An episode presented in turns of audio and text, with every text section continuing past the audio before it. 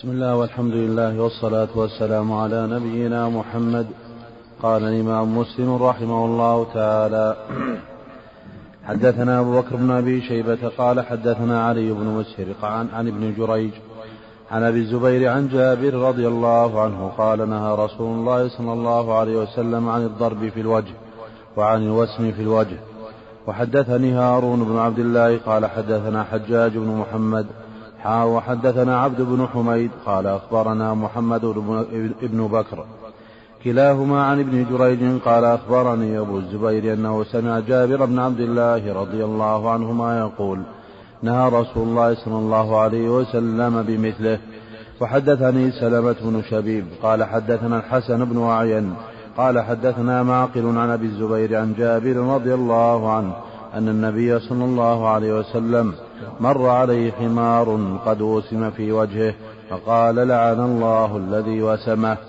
حدثنا أحمد بن عيسى قال أخبرنا ابن وهب قال أخبرني عمرو بن الحارث عن يزيد بن أبي حبيب أن ناعما أبا عبد الله مولى أم, مولى أم سلمة حدثه أنه سمع ابن عباس رضي الله عنهما يقول ورأى رسول الله صلى الله عليه وسلم حمارا موسوما وجه فأنكر ذلك قال فوالله لا أسمه إلا في أقصى شيء من الوجه فأمر بحمار له فكوي في جائرتيه فهو أول من كوى الجائرتين.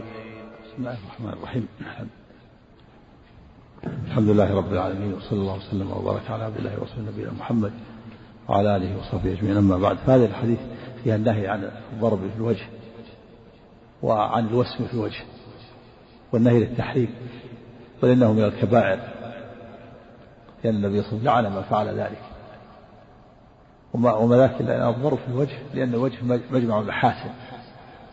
ولأنه يظهر فيه الشيء سريعا. فلا يجوز ضرب الوجه لا وجه الآدمي ولا وجه الحيوان. جاء في الحديث الآخر لا لا تضرب الوجه فإن الله خلق آدم على صورته. لما اختصر مع رجل قال له فلا يجوز ضرب في الوجه لا الإنسان ولا الحيوان وكذلك الضرب في الرأس جاء أيضا ما يدل على النهي عنه. وكذلك وسم الحيوان في الوجه والوسم هو أن يجعل علامة تحمى حديدة من النار ثم آه، يلسع بها مكان من الحيوان حتى يظهر علامة خط أو خطين أو دائرة أو خط فوق خط تكون علامة لأهل القبيلة أو أو علامة لفلان أن هذه هذه إبله أو هذه غنمه توسم توسم في مكان ليس فيه ضرر في الفخذ مثلا أو في الغنم في آذانها أو ما أشبه ذلك. وهذا وإن كان في نوع من التعذيب إلا أنه مستثنى للمصلحة. مثل ثقب آذان البنات الصغيرات لأجل الحلي هذا فيه إيذاء لهن لكنه مستثنى لأجل المصلحة. فيحرم الضرب في الوجه ويحرم الوسم في الوجه. ولهذا أنكر النبي صلى الله عليه وسلم حمارا مسوق في الوجه أنكر. قال لعن الله من فعل هذا لأنه آه، الوجه رقيق ومجمع المحاسن ويتأثر ويظهر فيه الشيء سريعا ولأنه يواجه به الإنسان. في هذا حديث ابن عباس أنه لما بلغ الحديث قال والله لا أسلم إلا في أقصى شيء على الوجه فوسم حمار في جائرتيه وهما فوق الدبر قليلا حرف مشرفان على الدبر إشكال على الجائرتين. نعم حرف الورك مشرف يكون وهذا أقصى شيء وأبعد شيء عن الوجه. نعم. أحسن الله إليك. ما يستدل على لعن المعين؟ لعن الله الذي وسمه نعم هذا لعن المعين لأن هذا لأنه فعل شيئا معينا هو العموم. قال لعن الله من فعل هذا. من؟ صيغة العموم. وإن كان قد يعرف الشخص. نعم. نعم. جاء ما يدل على أنها عن ضرب الرأس. نعم. نعم. حدثنا محمد المثنى قال حدثني محمد بن أبي عدي عن ابن عون عن محمد عن أنس رضي الله عنه قال لما ولدت أم سليم قالت لي يا أنس انظر هذا الغلام فلا يصيبن شيئا حتى تغدو به حتى تغدو به إلى النبي صلى الله عليه وسلم يحنكه قال فغدوت فإذا هو في الحائط وعليه خميصة جونية وهو يسم الظهر الذي قدم عليه في الفتح حدثنا محمد هذا فيه تواضع النبي صلى الله عليه وسلم حتى أنه يسم باشر الوسم بنفسه عليه الصلاة والسلام في تواضع تواضع النبي صلى الله عليه وسلم وتعليمه للأمة وللرؤساء أن يبشروا الأعمال بأنفسهم وإلا فكل أحد يسره أن يأمره النبي صلى الله عليه وسلم أن يسم. الإبل التي جاءت إبل الصدقة يسم الظهر سمة الظهر لأنها تركب يركب ظهرها الإبل. يسم الظهر يعني يسم الإبل التي جاءت من الصدقة يجعل فيها وسم حتى تعرف أنها من إبل الصدقة. فعل هذا بنفسه عليه الصلاة والسلام. يحمي حديدة في النار ثم يضعها في مكان يجعل وسم علامة لأن تعرف أن هذه من إبل الصدقة. هذا باشره بنفسه هذا في تواضع عليه الصلاة والسلام. وفي تعليمه الأمة وللرؤساء.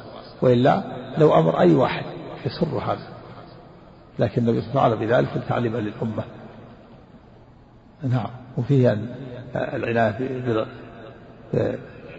بأموال الدولة وأموال المسلمين. لهذا فإنه وسم إبل الصدقة لأنها للمسلمين. فلهذا اعتنى بها النبي صلى الله عليه وسلم حتى لا تضيع وحتى لا تختلط بغيرها. نعم. ها؟ خبيصة كساء. قماش قماش فيه أعلام وكذا حويتية أو حوتية وكذا نسبة إلى إيش تكلم عليها السالف؟ أطال في الكلام عليها إيه، نسبة إلى أي شيء؟ يختلف قد تكون نسبة إلى حوتية وحونية وجونية وحوثية فيها فيها وجوه في ضبطها. خميس جونية بالنسبة إلى أي شيء؟ بعضها النسبة حويتية قال منسوبة الحويت وهي قبيلة نعم. أو موضع. نعم منسوبة إلى قبيلة أو منسوبة إلى موضع. منسوبة إلى القبيلة أو منسوبة إلى موضع أو المكان الذي آه، يعني نسجت منه. المهم من قماش نوع من القماش. خميصة لها أعلام بين الحالة التي عليها الخميصة. في أنه لا بأس بلبس الثوب المخطط الذي فيه أعلام. إذا لم يكن فيه تشبه بالنساء. نعم. وقال أحسن إليك الجونية نسبة إلى بني الجون نعم. قبيلة من الأزد أو إلى لونها من السواد أو البياض. نعم. يعني هو نسبة إلى لونها أو نسبة إلى القبيلة أو إلى الموضع أو المكان. أمر سهل. نعم. التحنيك خاص به صلى الله عليه وسلم. لا. إيش قال؟ حتى تغدو به النبي صلى الله عليه وسلم يحنكه قال فغدوت فإذا هو في الحال. نعم هذا لما فيه من يعني التبرك به عليه الصلاة والسلام. تبرك خاص خاص به. الصحابة يأتون بأطفالهم يحنكهم يعني يدرك الحنك بالتمر. وكان النبي يمضغه ثم يضعه في فم الصبي حتى يكون في فمه ما باشر النبي باشره النبي صلى الله عليه وسلم. التحنيك ليس خاصا به لكن التبرك خاص به عليه الصلاة والسلام. التحنيك يحنك أي واحد يحنكه أبوه أو أمه. لكن الصحابة به النبي صلى الله عليه وسلم التبرك نظرا لما لما جعل الله في جسد عليه الصلاة والسلام وما لبس جسده من البركة. أما قول النووي وغيرها فيه التبرك بالصالحين هذا خطأ. الصالحين لا يتبركون خاص بالنبي صلى الله عليه وسلم. لأن الصحابة ما تبركوا بأبي بكر ولا عمر ولا عثمان ولأن هذا من وسائل الشرك.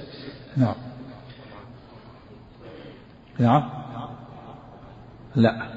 أي واحد. ما في تخصيص. أمها وأبوه تحريك. ها؟ نعم ما لا ما في شك. هذا من البدع من وسائل الشرك. ما له خصوصية أي واحد يحرك. يأتي بتمرة ويدركها في فمه عشان يصل الحلو إلى معدته. أي واحد. أمه أو أبوه أو أخوه. يحنكه نعم. حدثنا نعم.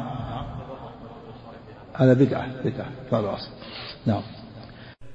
حدثنا محمد بن مثنى قال حدثنا محمد بن جعفر قال حدثنا شعبة عن هشام بن, يزيد بن زيد قال سمعت أنس رضي الله عنه يحدث أن أمه حين ولدت حين ولدت انطلقوا بالصبي إلى النبي صلى الله عليه وسلم يحنكه. قال فإذا النبي صلى الله عليه وسلم في مربد يسم غنما قال شعبة وأكثر علمي أنه قال في آذانها. نعم في ان الغنم تسم في آذانها لأن الأذن من الرأس وليست من الوجه ولأنها لا, لا تتأثر ولا ولا ولا يتأثر الرأس ولا الوجه. مربد مكان مكان استماع الغنم. نعم.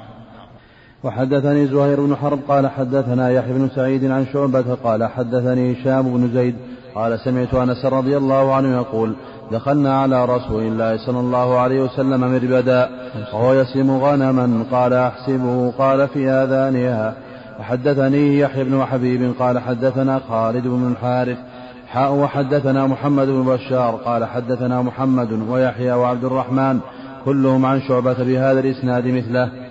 حدثنا هارون بن معروف قال حدثنا الوليد بن مسلم عن الأوزاعي عن إسحاق بن عبد الله بن أبي طلحة عن أنس بن مالك عن أنس بن مالك رضي الله عنه قال رأيت في يد رسول الله صلى الله عليه وسلم الميسم وهو يسم إبل الصدقة. نعم.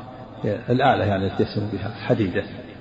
حديدة يحميها بالنار ثم يسمها يجعل وسم إذا حميت بالنار ألصقها على جسد الحيوان يكون له أثر خط أو دائرة أو خط فوق خط علامة. كانت العرب يجعلون علامات كل قبيلة لها علامة وسم فإذا عرف هذا وسم عرف أن هذا الدابة لبني فلان القبيلة القبيلة الفلانية هذا وصفهم نعم. ها؟ لا ما يجوز. لماذا يتقطع هذا؟ ها؟ تأكل؟ بعضها تطول أذانها ولا ولا طالت هذا طيب هذا جمال له. قطعها قد يخل بها. إذا قطع أكثر من نصف ففيه تضحية بها خلاف تضحى بها ما يصير عيب يعتبر عيب. الأضحية نعم. نعم لا لا. تركها أو لا لا يؤذيها. نعم.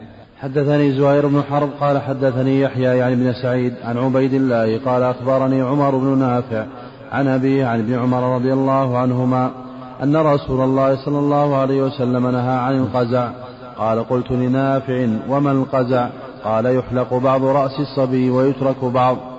حدثنا أبو بكر بن أبي شيبة قال حدثنا أبو أسامة حاء وحدثنا ابن نمير. قال حدثنا أبي قال حدثنا عبيد الله بهذا الإسناد. وجعل التفسير في حديث أبي أسامة من قول عبيد الله. وحدثني محمد بن مثنى قال حدثنا عثمان بن عثمان الغطفاني قال حدثنا عمر بن نافع حاء وحدثني أمية بن إصام قال حدثنا يزيد يعني ابن زريع قال حدثنا روح عن عمر بن نافع بإسناد عبيد الله مثله وألحق نعم. التفسير في الحديث. نعم فيه النهي عن عن القزع. والقزع فسره حلق بعض الرأس وترك البعض. في غير مسلم أن النبي صلى الله عليه وسلم رأى صبيا قد حلق بعض رأسه فقال احلقه كله أو اتركه كله. يحلق بعض الرأس يحلق مقدم الرأس أو يحلق مقدم مؤخر الرأس أو يحلق جانب من جوانب. هذا منهي عنه. المشهور عند العلماء أنه للتنزيه أن النهي للتنزيه ولكن الأصل في قاعدة أن الأصل في النهي للتحريم إلا بصالح نعم. نعم. ما لا أعلم بصالح يقول كان هو من باب الآداب. الجمهور يقول الآداب اللي كان الأوامر في الآداب وفي النواهي الأوامر يحملونها على على الاستحباب اللي كانت في الآداب. والنواهي يحملونها على التنزيه. يقول من باب الآداب فقط. لكن والظاهرية يرون الوجوب والظاهرية قول قول نعم. إيه؟ كيف؟ لا قزاء حلق حلق البعض ما هو قص حلق الرأس بعض الرأس وترك بعضه. الحلق الحلق بالموس يعني نصف الرأس محلوق أو نصف غير محلوق. هذا قص قص غير الحلق. لكن حال كثير من الشباب الآن يقصدون التشبه. مو يعني التشبه محرم. لا يجوز التشبه. سواء في الحلق أو في القص. القصات التشبه بالكفرة ما يجوز.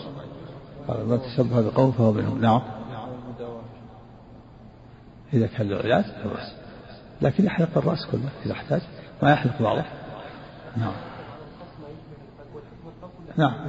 إذا كان يعني حكم قصه يعني بمعنى أنه ما أبقى إلا شيء يسير في وصول الشعر يمكن يلتحق بالقزع ما بعيد. نعم. وحدثني محمد بن رافع وحجاج بن الشاعر وعبد بن حميد عن عبد الرزاق عن معمر عن أيوب حاء وحدثنا أبو جعفر الدارمي قال حدثنا أبو النعمان قال حدثنا حماد بن زيد عن عبد الرحمن السراج كلهم عن نافع عن ابن عمر رضي الله عنهما عن النبي صلى الله عليه وسلم بذلك. اللهم صل حدثني سويد بن سعيد قال حدثني حفص بن ميسرة عن زيد بن أسلم عن عطاء بن يسار عن أبي سعيد الخدري رضي الله عنه عن النبي صلى الله عليه وسلم قال إياكم والجلوس في الطرقات. قالوا يا رسول الله ما لنا بد من مجالسنا نتحدث فيها. قال رسول الله صلى الله عليه وسلم فإذا أبيتم إلا المجلس فأعطوا الطريق حقه. قالوا وما حقه؟ قال غض البصر وكف الأذى ورد السلام والأمر بالمعروف والنهي عن المنكر. وحدثنا وهذا في دل على على أنه لا بد من إعطاء الطريق حقه لمن جلس في الطريق. وإلا فلا يجلس في بيته. فإذا جلس في الطريق في دكان أو في شارع فلا بد أن يعطي الطريق حقه. بين وسلم حق الطريق غض البصر. إذا مرت امرأة يغض بصره ما ينظر إليها. ورد السلام إذا سلم عليه أحد رد السلام. وكف الأذى لا يؤذي أحد بقول ولا بفعل. والأمر بالمعروف والنهي عن المنكر. إذا رأى منكر ينهى. ينهى عنه.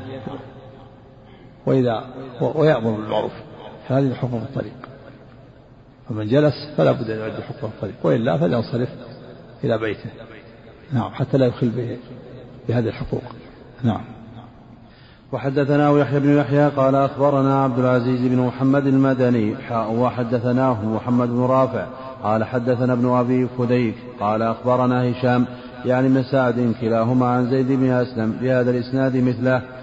حدثنا يحيى بن يحيى قال أخبرنا أبو معاوية عن هشام عن هشام بن عروة عن فاطمة بنت المنذر عن أسماء بنت أبي بكر رضي الله عنها قالت جاءت امرأة إلى النبي صلى الله عليه وسلم فقالت يا رسول الله إن لي ابنة عري عري عريسا أصابتها حصبة تصير عروس. عريس تصير عروس. عروس عريس. عروس يطلق على على الرجل وعلى المرأة. المتزوج حديثا قال عروس. رجل عروس والمرأة عروس. الحديث منه قال النبي فأصبح النبي عروسا. في صفية. نعم. والعريس تصير عروس نعم. فقالت يا رسول الله إن لي ابنة عريسا أصابتها حصبة فتم فتمرق شعرها. يعني تساقط. تساقط. تمرق ويقال تمزق. في في, في تمزق. وتمرق تساقط. تمرق. وتساقط وتمرط يقال تمرق يعني تمرط وتساقط. حصف مرض معروف. نعم. يصيب يصيب الأطفال في الغالب وقد يصيب الكبار. نعم. نعم. فتمرق شعرها أفأصله؟ فقال لعن الله الواصلة والمستوصلة. حدثنا أبو بكر بن شيبة قال حدثنا عبدة حاء وحدثنا ابن نمير. قال حدثنا أبي وعبده حاء وحدثنا أبو كريب. قال حدثنا وكيع. حاء وحدثنا عمرو الناقد قال أخبرنا أسود بن عامر قال أخبرنا شعبة كلهم عن هشام بن عروة بهذا الإسناد نحو حديث أبي معاوية غير أن وكيعا وشعبة في حديثهما فتمرط شعرها. والمعنى واحد. تمرط وتمرق.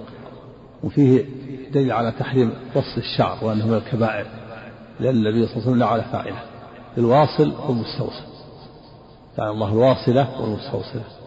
الواصلة التي تفعل الشعر تصل الشعر بغيره والمستوصلة التي يفعل بها ذلك. وسواء كان وصل الشعر بشعر أو ب أو بخرق أو بخيوط يصل الشعر بشعر آخر. لأن هذا من الزور.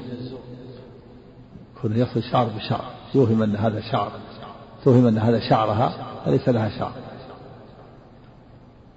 فالواصلة ملعونة والمستوصلة ملعونة فالتي تفعل الوصل ملعونة والتي تستوصل يفعل بها ذلك ملعونة. وهذا يدل على من الكبائر اللعن يدل على أن الوصل من الكبائر تصل الشعر بشعر آخر حتى يطول توهم أن هذا شعرها وليس بشعر الله. أو تصل بخراق أو خيوط ويستثنى من ذلك آه، الخيوط الصغيرة التي يربط بها أطراف الشعر. وهو ما يسمى بالقرامل لئلا ينتقض الشعر الشيء اليسير في أطراف الشعر. خيوط صغيرة تربط بها أطراف الشعر حتى لا لا ينتقض الشعر لئلا ينتقض الشعر. يسمى القرامل هذا شيء يسير. نعم.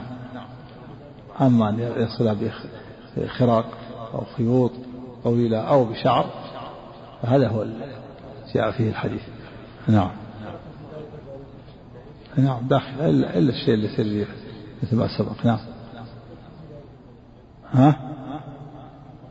نعم أشد سيأتي هذا سيأتي هذا أشد هذا الزور سيأتي أنه الزور. نعم. نعم. إيه؟ هذا هذا داخل في الوصف. مو لازم يصير له من الشعر. إذا وصلها بخيوط طويلة أو خراق أو شعر حكم واحد. وصل هذا. يعني الله وصل الله نعم. ولا ما فيه. إطالة. ممنوع. ممنوع الوصل في وهم ولا ما في وهم؟ نعم. وحدث وحدثني أحمد بن سعيد الدارمي. قال أخبرنا حبان. قال حدثنا وهيم قال حدثنا منصور عن أم ما قال الوهم قال الوصل الوصل نعم. قال. حدثنا منصور عن أمي عن أسماء بنت أبي بكر رضي الله عنها أن امرأة أتت النبي صلى الله عليه وسلم فقالت إني زوجت ابنتي فتمرق شعر رأسها وزوجها يستحسنها. أفاصل يا رسول الله فنهاها. حدثنا محمد بن مثنى وابن بشار قال حدثنا أبو داود قال حدثنا شعبة حا وحدثنا أبو بكر بن أبي شيبة واللفظ له. قال حدثنا يحيى بن يحيى بن أبي بكير عن شعبة عن عمرو بن مرة قال سمعت الحسن بن مسلم يحدث عن صفية بنت شيبة عن عائشة رضي الله عنها أن جارية من الأنصار تزوجت وأنها مرضت فتمرط شعرها فأرادوا أن يصلوه فسألوا رسول الله صلى الله عليه وسلم عن ذلك فلعن الواصلة والمستوصلة. حدثني زهير بن حرب قال حدثنا زيد بن الحباب عن إبراهيم بن نافع قال أخبرنا الحسن بن مسلم بن يتاق يناق ابن يناق سبق أخبرنا نعم قال أخبرني الحسن بن مسلم ابن يناق عن صفية بنت شيبة عن عائشة رضي الله عنها أن امرأة من الأنصار زوجت, زوجت ابنة لها فاشتكت فتساقط شعرها فأتت النبي صلى الله عليه وسلم فقالت إن زوجها يريدها أفاصل شعرها؟ فقال رسول الله صلى الله عليه وسلم لعن الواصلات. وحدثني محمد بن حاتم قال حدثنا عبد الرحمن بن مهدي عن إبراهيم بن نافع بهذا الإسناد وقال لعن الموصلات. حدثنا محمد بن عبد الله بن نمير قال حدثنا أبي حاء وحدثنا زهير بن حرب ومحمد مثنى واللفظ لزهير قال حدثنا يحيى وهو القطان. عن عبيد الله قال أخبرني نافع عن ابن عمر رضي الله عنهما أن رسول الله صلى الله عليه وسلم لعن الواصلة والمستوصلة والواشمة والمستوشمة. وحدثني محمد. فيه أيضا لعن الواشمة والمستوشمة. فكل من الأربع ملعونات. الواصلة التي تصل الشعر والمستوصلة التي يفعل بها. تأمر أن يفعل بها أو ترضى. والواشمة التي تفعل الوشم. والمستوشمة التي يفعل بها ذلك. والوشم هو أن يغرز الجلد بإبرة حتى يخرج الدم ثم يصب فيه نوع من الكحل. ويبقى. قد يفعل هذا بالصبي في حال الصغر ويبقى الوشم طول حياته ما يزال. وقد يكون مثلا نوع مثلا يكون يضع فيه شيء أحمر أحمر أخضر شيء أخضر من الكحل شيء أخضر فيبقى أخضر يكون خط. وبعضهم يجعله دائرة وبعضهم يجعله صورة غزال. هذا يجب إزالته عند القدرة فإن إن كان لا يستطيع فهو معذور يكون الإثم على الفاعل. ولا يجوز أن يفعل الوشم الوشم محرم. بل هو من كبائر الذنوب لأن النبي صلى الله عليه وسلم لعن الواشمة التي تفعل الوشم والمستوشمة التي تفعل ذلك وكذلك الرجل يحرم عليه الوشم الرجل يشم الرجل والمرأة كذلك. لكن النبي لعن الواشمة لأن غالبا يفعل ذلك النساء. والرجال ممنوعون أيضا كان من الوشم أربع ملعونات الآن الواشمة والمستوشمة والواصلة والمستوصلة. وسيأتي أيضا خامسة وهي المتفلجة. نعم. وحدثني محمد بن عبد الله بن زري بن بزيع. قال حدثنا بشر بن المفضل. قال حدثنا صخر بن جويرية. عن نافع عن عبد الله عن النبي صلى الله عليه وسلم بمثله. حدثنا إسحاق بن إبراهيم وعثمان بن أبي شيبة واللفظ إسحاق قال أخبرنا جرير عن منصور عن إبراهيم عن علقمة عن عبد الله رضي الله عنه قال لعن الله الواشمات والمستوشمات والنامصات والمتنمصات والمتفلجات للحسن المغيرات خلق الله. كذلك النامصات والمتنمصات والمتفلجات. خامسة وسادسة وسابعة كلاهما ملعونات. النامصة التي تفعل النوص والمتنمصة التي تفعل بها النوص. والنوص هو أخذ شعر الحاجب. لأن تنتف شعر الحاجب أو تحلقه أو تقص. فالنامصة هي التي تفعل النمص هي تنتف أو تحلق. والمتنمصة التي يفعل بها ذلك. كلاهما مرتكبة لكبيرة لأن النبي صلى الله عليه وسلم والمتفلجات للحسن المتفلجة للحسن هي التي تبرد ما بين الأسنان بالمبرد حتى يتوسع ويصير يصير فتحة تسمى فلجة للجمال تبرد ما بين الثنايا ما بين الثنايا أو بين الرباعيات لأجل الحسن. تفعله المرأة الكبيرة تتجمل به وتكون كأنها صغيرة كأن أسنانها أسنان شابة. أما إذا فعلته لا للحسن وإنما للعلاج ولإزالة شيء فلا بأس. النبي صلى الله عليه وسلم المتفلجات للحسن يعني للتجمل.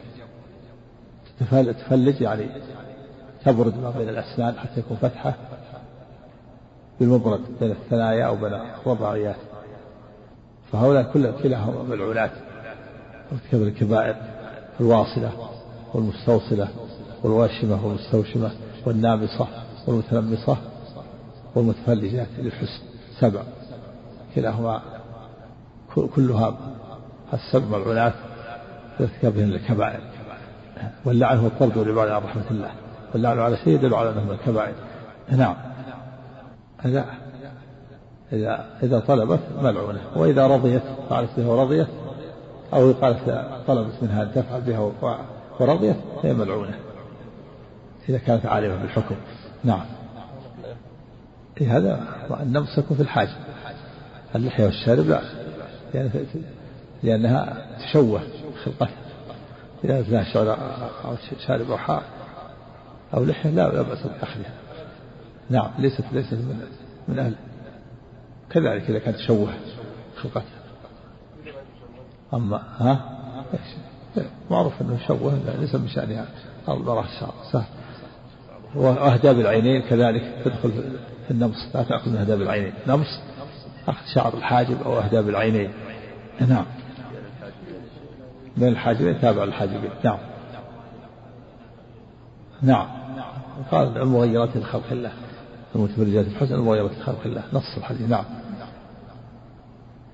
وهو من إرادة الشيطان فللشيطان قال ولا أمر أنهم فلا يغيرون خلق الله. ولا أمر فلا يبتكن آذان العام ولا أمر أنهم فلا يغيرون خلق الله. نعم. الحديث الأول أحسن الله قال لعن رسول الله. والثاني قال لعن الله. الحكم واحد. بل لعنه الله ولعن رسوله. فكان كبيرا نعوذ بالله. نعم. عن عبد الله قال رضي عن عبد الله رضي الله عنه قال لعن لعن الله الواشمات والمستوشمات والنامصات والمتنمصات والمتفلجات للحسن المغيرات خلق الله. قال فبلغ ذلك امرأة فبلغ ذلك امرأة من بني أسد. يقال لها أم يعقوب وكانت تقرأ القرآن. فأتته فقالت ما حديث بلغني عنك أنك لعنت الواشمات والمستوشمات. تقول لعبد الله بن مسعود. نعم. وأنك لعنت الواشمات والمستوشمات والمتنمصات والمتفلجات الحزن المغيرات خلق الله. فقال عبد الله وما لي لا ألعن من لعن رسول الله صلى الله عليه وسلم وهو في كتاب الله. فقالت المرأة لقد قرأت ما بين الوحي ما فقد لقد قرأت ما بين لوحي المصحف فما وجدته. فقال إن كنت قرأتيه لقد وجدتيه قال الله عز وجل وما آتاكم الرسول فخذوا وما نهاكم عنه فانتهوا. وقالت المرأة فإني أرى شيئا من هذا على امرأتك على امرأتك الآن. قال اذهبي فانظري. قال فدخلت على امرأة عبد الله فلم تر شيئا فجاءت إليه وقالت ما رأيت شيئا. فقال أما لو كان ذلك لم نجامعها لم نجامعها. نعم هذه المرأة كان عندها قوة عندها جرأة. جاءت عبد الله مسعود وقالت كيف تلعن المتولجات وكذا والنبي فقال وما لي لا ألعن من لعن. بل لعن رسول الله في اللفظ الآخر من لعن رسول الله وهو في كتاب الله. فقالت لقد قرأت ما بين اللوحين ما وجدت في كتاب الله. ما وجدت. إلا عن اللامسة والمتنمسة والمتفلجة. فقال عبد الله إن كنت قرأتيه فقد وجدتيه يعني ما تقرأ قول الله وما آتاكم الرسول فخذوه وما نهاكم عنه فانتهوا. هذه الآية فيها أمر بالانتهاء عما نهى عنه الرسول والرسول نهى عن هذا. فقالت المرأة إني رأيت على أهلك شيء من ذلك. فقال اذهبي فانظري. فذهبت فلم ترى شيئا. فقال لو لو رأيت لم يجابها يعني لم آه، نساكنها ونجتمع معها بل نطلقها وقيل المراد الجماع الوطن لكن هذا ضعيف. المراد يعني نجتمع معها و ونسكن معها ونجعل وتكون من أهل بيتنا بل نطلقها. هذا الأقرب. نعم. حدثنا محمد بن مثنى وابن بشار قال حدثنا عبد الرحمن وهو ابن مهدي. قال حدثنا سفيان حاء وحدثنا محمد بن رافع. قال حدثنا يحيى بن آدم. جعل النساء في الزمن الأول في عهد الصحابة. يحفظن القرآن. هذه المرأة يعقوب؟ تقرأ القرآن كله من أول إلى آخره بنات الصحابة والتابعين بالقرآن الذكور والإناث. نعم. والتابعين كانوا الصحابة كان لا نجاوز عشر آيات من عند النبي صلى الله عليه وسلم حتى نتعلمها ونعمل بها. قال فحفظنا القرآن العلم والعمل جميعا. نعم فحفظنا العلم والعمل جميعا. نعم. حدثنا محمد محمد بن مثنى آه. وابن بشار. وعبد الرحمن السلمي. قال حدث الذين يقرؤون القرآن. عثمان بن عفان وعبد الله بن مسعود أنهم كانوا عند لا يتجاوزون عشر آيات مع النبي صلى الله عليه وسلم حتى يتعلموا معانيها والعمل بها. نعم. حدثنا محمد المثنى بن بشار قال حدثنا عبد الرحمن وهو بن مهدي قال حدثنا سفيان حاء وحدثنا محمد بن رافع قال حدثنا يحيى بن آدم قال حدثنا مفضل وهو, وهو ابن مهلهل كلاهما عن منصور في هذا الإسناد بمعنى حديث جرير غير أن في حديث سفيان الواشمات والمستوشمات وفي حديث مفضل الواشمات والموشومات. وحدثنا أبو بكر, أبو بكر بن أبي شيبة ومحمد مثنى وابن بشار قالوا حدثنا محمد بن جعفر قال حدثنا شعبة عن منصور بهذا الإسناد بهذا الإسناد الحديث عن النبي صلى الله عليه وسلم مجردا عن مجردا عن سائر القصة من ذكر أم يعقوب. وحدثنا شيبان بن فروخ قال حدثنا جرير يعني ابن حازم قال حدثنا الأعمش عن إبراهيم عن علقمة عن عبد الله رضي الله عنه عن النبي صلى الله عليه وسلم بنحو حديثهم. وحدثني الحسن بن علي الحلواني ومحمد بن رافع قال أخبرنا عبد الرزاق قال أخبرنا ابن جريج قال أخبرني أبو الزبير أنه سمع جابر بن عبد الله رضي الله عنهما يقول زجر يقول زجر النبي صلى الله عليه وسلم أن تصل المرأة برأسها شيئا. حدثنا يحيى بن يحيى قال قرأت عن مالك عن ابن شهاب عن حميد بن عبد الرحمن بن عوف أنه سمع معاوية بن أبي سفيان رضي الله عنه عام حج وهو على المنبر وتناول قصة من شعر كانت في يد حرسي يقال يقول يا أهل المدينة. كانت في يد حرسي يقول يا أهل المدينة أين علماؤكم؟ سمعت رسول الله صلى الله عليه وسلم ينهى عن مثل هذا ويقول إنما هلكت بنو إسرائيل حين حين اتخذ هذه نساؤهم. حدثنا ابن هذا فيه في أن معاوية رضي الله عنه لما قدم المدينة نصح الناس. وفيها في على أن ولي الأمر عليه أن ينصح الناس ويلاحظ الرعية ويأمرهم وينهاهم لأن الله استرعاهم إياهم. معاوية رضي الله عنه النصح صحابي جليل لما قدم المدينة نصح الناس أخذ قصة من شعر وقصة هي الشعر النازل من مقدم الرأس على الجبهة وقيل هو الناصية. وقال أهل المدينة أين علماؤكم؟ في أن العلماء هم الذين يوجهون الناس وينصحونهم لأن الله أعطاهم العلم ويبين لهم الأحكام. أين علماءكم يعني؟ كيف غفلوا؟ فلم ينصحوكم ولم قال إن بني إسرائيل إنما هلكوا لما اتخذوا نساءهم هذا هذا القصة. في الحديث الآخر يأتي الكبة كبة من شعر الشعر ملفوف بعضه على بعض. أعد الحديث. قال لما قدم قدم معاوية المدينة. سمع معاوية معاوية بن أبي سفيان عام حج وهو على المنبر وتنا من؟ عمن؟ عن ابن شهاب عن حميد بن عبد الرحمن بن عوف. نعم. أنه سمع معاوية بن أبي سفيان رضي الله عنه عام حج وهو على المنبر وتناول قصة من شعر كانت في يد حرسي. يقول الشرطي وهو غلام الأمير بمثابة الشرطي. نعم.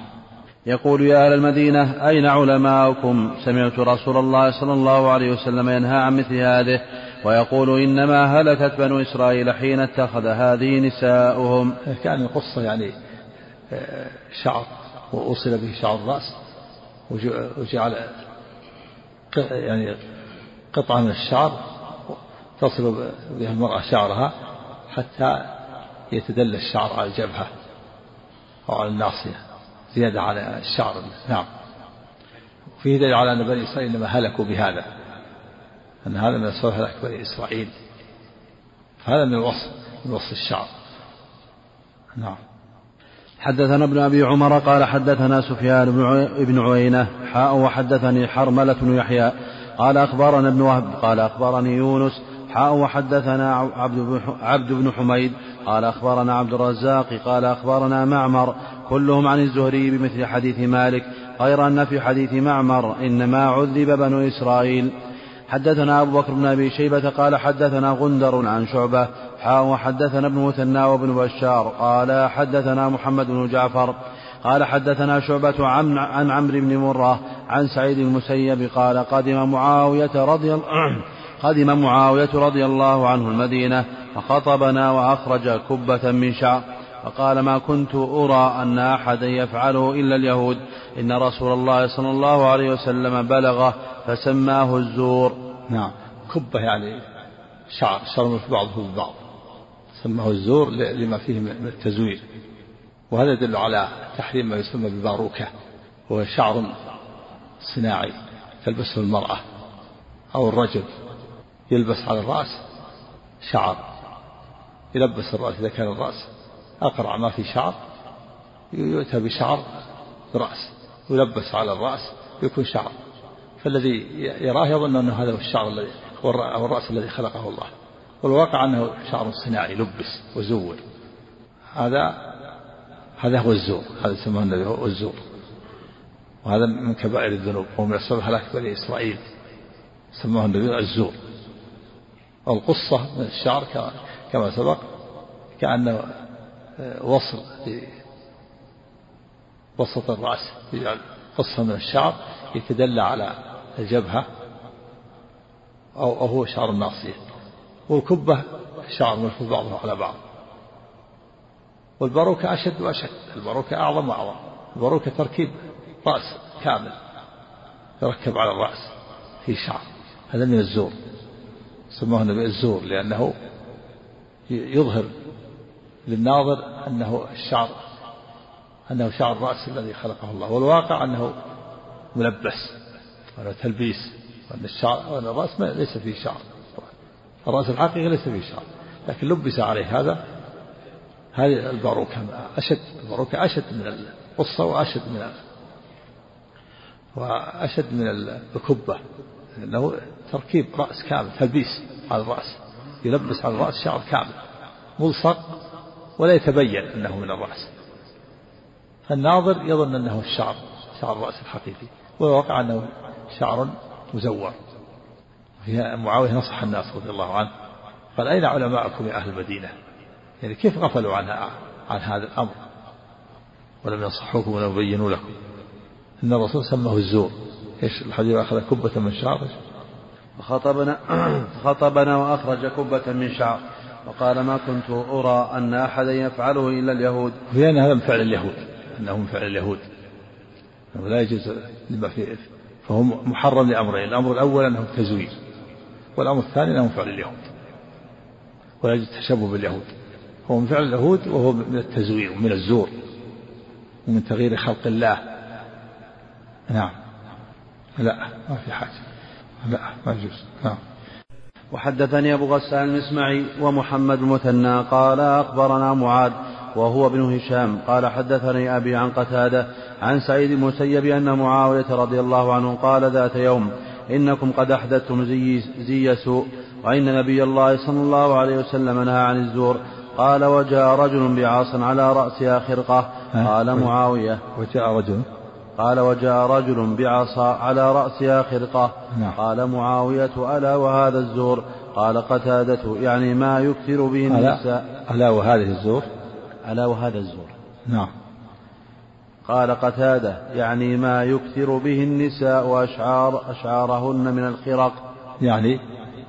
يعني ما يكثر به النساء وأشعارهن من الخرق. أو يكثر. يكثر. ما يكثر أحسن يعني ما يكثر به النساء وأشعارهن من الخرق. نعم. يمكن ولا في ما ضبط عندك ولا في يكبر. وهذا هو مثل وهذا هو الواقع على في هذا الزمان. يعني تكبر المرأة رأسها بالخرق والعصائب في الحديث الآخر كما تأتي كأسنة البخت مثل ما يوجد الآن في الممرضات في المستشفيات الصحية وغيرها تضع على رأسها عصائب وخرق حتى تكبر الرأس وتكثر الشعر وتعظم الرأس. فتكون كأسنة البخت كما سيأتي. أخذ عصا إيش؟ قال معاوية. قال جاء ورج قال وجاء رجل بعصا على رأسها خرقة. نعم. قال معاوية ألا وهذا الزور؟ قال قتادة يعني ما يكثر به النساء وشعرهن من الخرق. نعم. ما ضبط عندك كثر بالثاء. نعم. نعم. ها؟ تكثر أو يكثر المعنى واحد. ما ضبط بالباء أو بالثاء. نعم. حدثني زهير بن حرب قال حدثنا جرير عن سهيل عن أبيه عن أبي هريرة رضي الله عنه قال قال رسول الله صلى الله عليه وسلم صنفان من أهل النار لم أرهما. قوم معهم سياط كأذناب البقر يضربون بها الناس ونساء كاسيات عاريات مميلات مائلات رؤوسهن كأسنمة البخت المائلة. لا يدخلن الجنة ولا يجدن ريحا وإن ريحا ليوجد من مسيرة كذا وكذا. نعم وهذا وعيد شديد على هذين الصنفين وأنهما متوعدان بالنار يدل على أن فعلهما من الكبائر. صنفان من أهل النار لم أرهما يعني ما رآهم النبي صلى الله عليه وسلم وساء يوجدون في هذه الأمة ولم من علامة النبوة من دلائل النبوة حيث أخبر النبي صلى الله عليه وسلم بذلك وقد وقع كما أخبر. هذا في من دلائل النبوة. العلماء الذين يصنفون في دلائل النبوة وعلامات النبوة يذكر مثل هذا الحديث. حيث النبي أخبر عن هذين الصنفين وفاقة كما أخبر قال صنفان من أهل النار لم أرهما بعد. ما رآهما عليه لكنهما وقع في الأمة ووقع في هذا الزمن وقبله في أزمان الصنف الأول قوم معهم سياط من حديد يضربون بها الناس ويصدق على الشرطة والشرط وغيرهم الذين يضربون الناس بغير حق داخل داخل في هذا. معهم سياط من حديد كأذنب البقر يضربون بها الناس. والصنف الثاني نساء. كاسيات عاريات. مميلات مائلات. رؤوسهن كاسمة البخت. ثم قال النبي لا يدخل الجنة ولا يجد ريحها. وإن ريحها لا يوجد من سيرة كذا وكذا. هذا وعيد شديد. من الكبائر. توعد بعدم دخول الجنة. نساء كاسيات عاريات. اختلف العلماء في قوله كاسيات عاريات. فقيل المعنى كاسيات البعض عاريات البعض. يعني بعض أجسامهن مكسو وبعض أجسامهن عاري. فهي تكسو بعض الجسم وتعري بعض الجسم لأن الثياب قصيرة. فتكون إذا كانت الثياب قصيرة يكون بعض الجسم مكسو وبعضه عاري. أو لكون الثياب رقيقة تصف البشرة. فهي في الظاهر مكسو لأن عليها قماش. وفي الواقع عارية لأنه يرى ترى بشرة من ورائها أو لأنها ضيقة تبرز مفاتيح الجسد وهذا واقع في هذا الزمان. النساء النساء كاسيات في الأسواق الآن كاسيات عاريات تبدي وجهها تبدي ساعديها يديها تبدي رجليها وساقيها فهذا وقع أخبر به النبي كاسيات عاريات وقيل معنى كاسيات من من نعم الله عاريات من شكرها. مائلات مميلات قيل مائلات مائلات إلى الفواحش عن طاعة الله عز وجل. مميلات يعني يفعلن بغيرهن. ذلك. يعني يملن غيرهن إلى الفواحش. وقيل المائلات تبخترن ويمشي المشط تبختر وقيل امتشطن المشطة الميلاء وهي مشطة البغايا الزانيات رؤوسهن كأسنمة البخت. البخت نوع من الإبل له سنمان فالإبل نوعان عراب وبخاتي يقول العلماء في الزكاة. قسم قسم عراب وهي الإبل لها سنم واحد في العربية. وبخاتي لها سنمان بينهم فاصل. فالنبي صلى الله عليه وسلم شبه هؤلاء النساء شبه رؤوسهن بأسمة البخت. وذلك أن المرأة تعظم رأسها وتكبر بالخرق والعصائب فيصير كأنه رأس ثاني كأن لها رأسان كأن لها رأسين مثل الإبل لها سنامين سنام وسنام بينهم فاصل. وهذه المرأة التي تعظم رأسها تكبر بالخراق والعصائب صار رأس آخر لها رأس ثاني. الرأس الذي خلقه الله هو الرأس الصناعي الذي عظمته وكبرته بالخراق وهذا موجود الآن في الصلصات الصحية الممرضات وغيرها كما تشاهدون. تجعل العصائب على رأسها وتكبر بالخراق وهذا مستقبل أخبر به النبي صلى الله عليه وسلم. والواجب الحذر من هذا الفعل. يجب تحذير النساء. النبي يحذر من هذا الفعل. هذا الحديث فيه يدل على أمرين الأمر. الأول أن هذا الأمر واقع في هذه الأمة. لا بد أن يقع. والأمر الثاني التحذير. التحذير تحذير من ضرب الناس بغير حق. والتحذير من تحذير النساء من هذه الأعمال. نعم. نعم. إيه نعم. يحتاج هذا يحتاج إلى نعم. نعم. نعم. نعم. نعم. نعم. هذا نوع نوع. جمع الشعر وجعل فيه الخراء نوع من قد تجمع الشعر ويصير وتجعل فيه بعض الخراء فيصير كأنه كأنه رأس آخر كالسلام كالسلامين نعم. نعم. نعم. الأقرب والله أعلم نعم. أنه كون تجمع وتخرج بهذه المثابة المطلوب أنها تجعل ضفائر نعم. حدثنا محمد بن عبد الله بن نوير قال حدثنا وكيع وعبدة عن هشام بن عروة عن أبيه عن عائشة رضي الله عنها أن امرأة قالت يا رسول الله أقول إن زوجي أعطاني ما لم يعطني فقال رسول الله صلى الله عليه وسلم المتشبع بما لم يعطى كلابس ثوب زور يعني المتشبع بما لم يعطى كلابس ثوب زور الذي يظهر شيئا. ليس له كلابس ثوب زور يعني كان فعل الزور مرتين.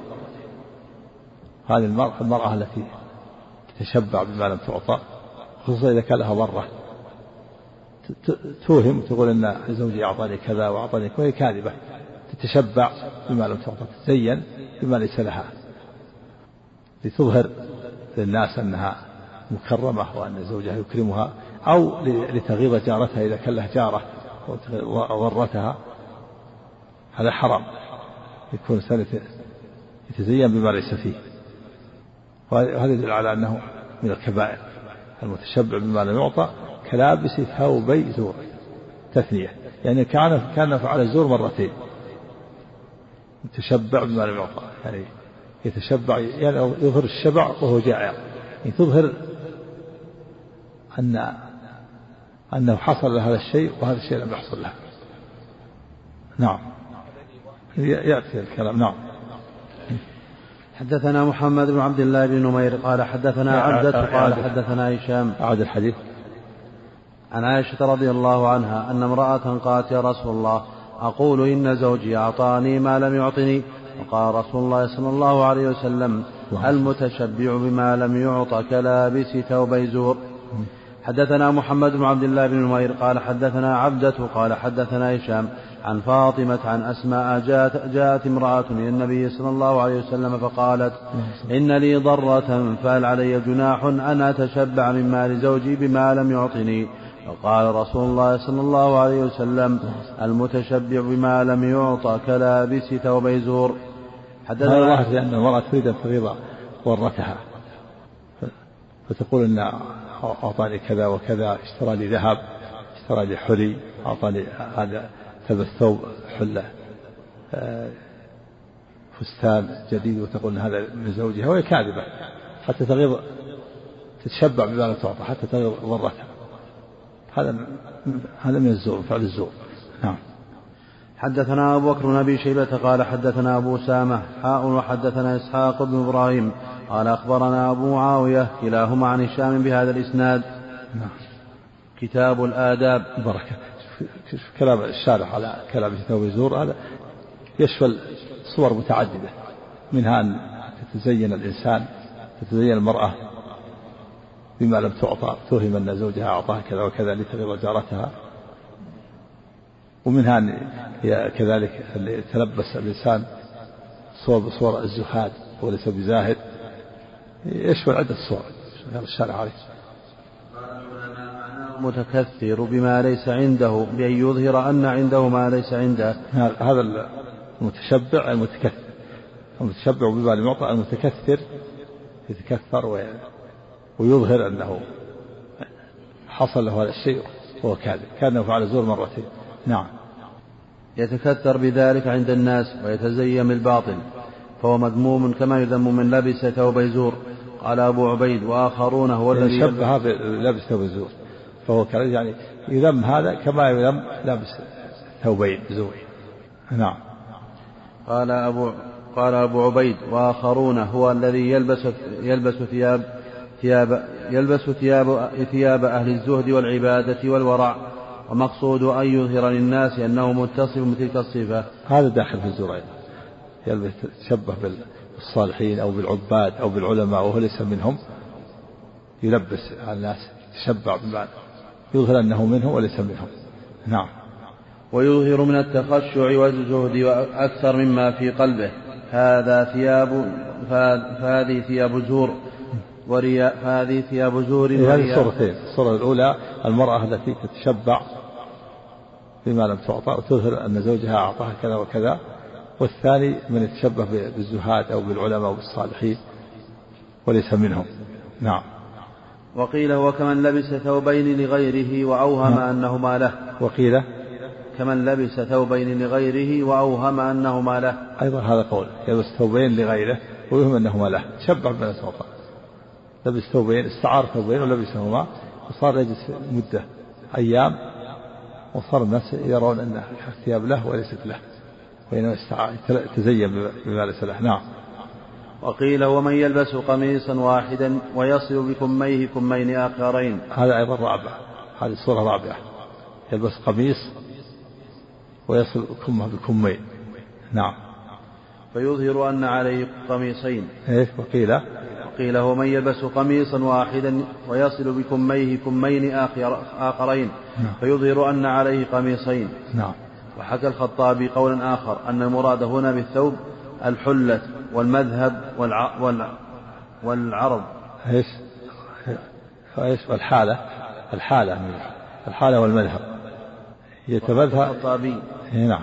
قولا آخر أن المراد هنا بالثوب الحالة. الحالة والمذهب وال والعرب والعرب هكذا. ها؟ والعرب نعم.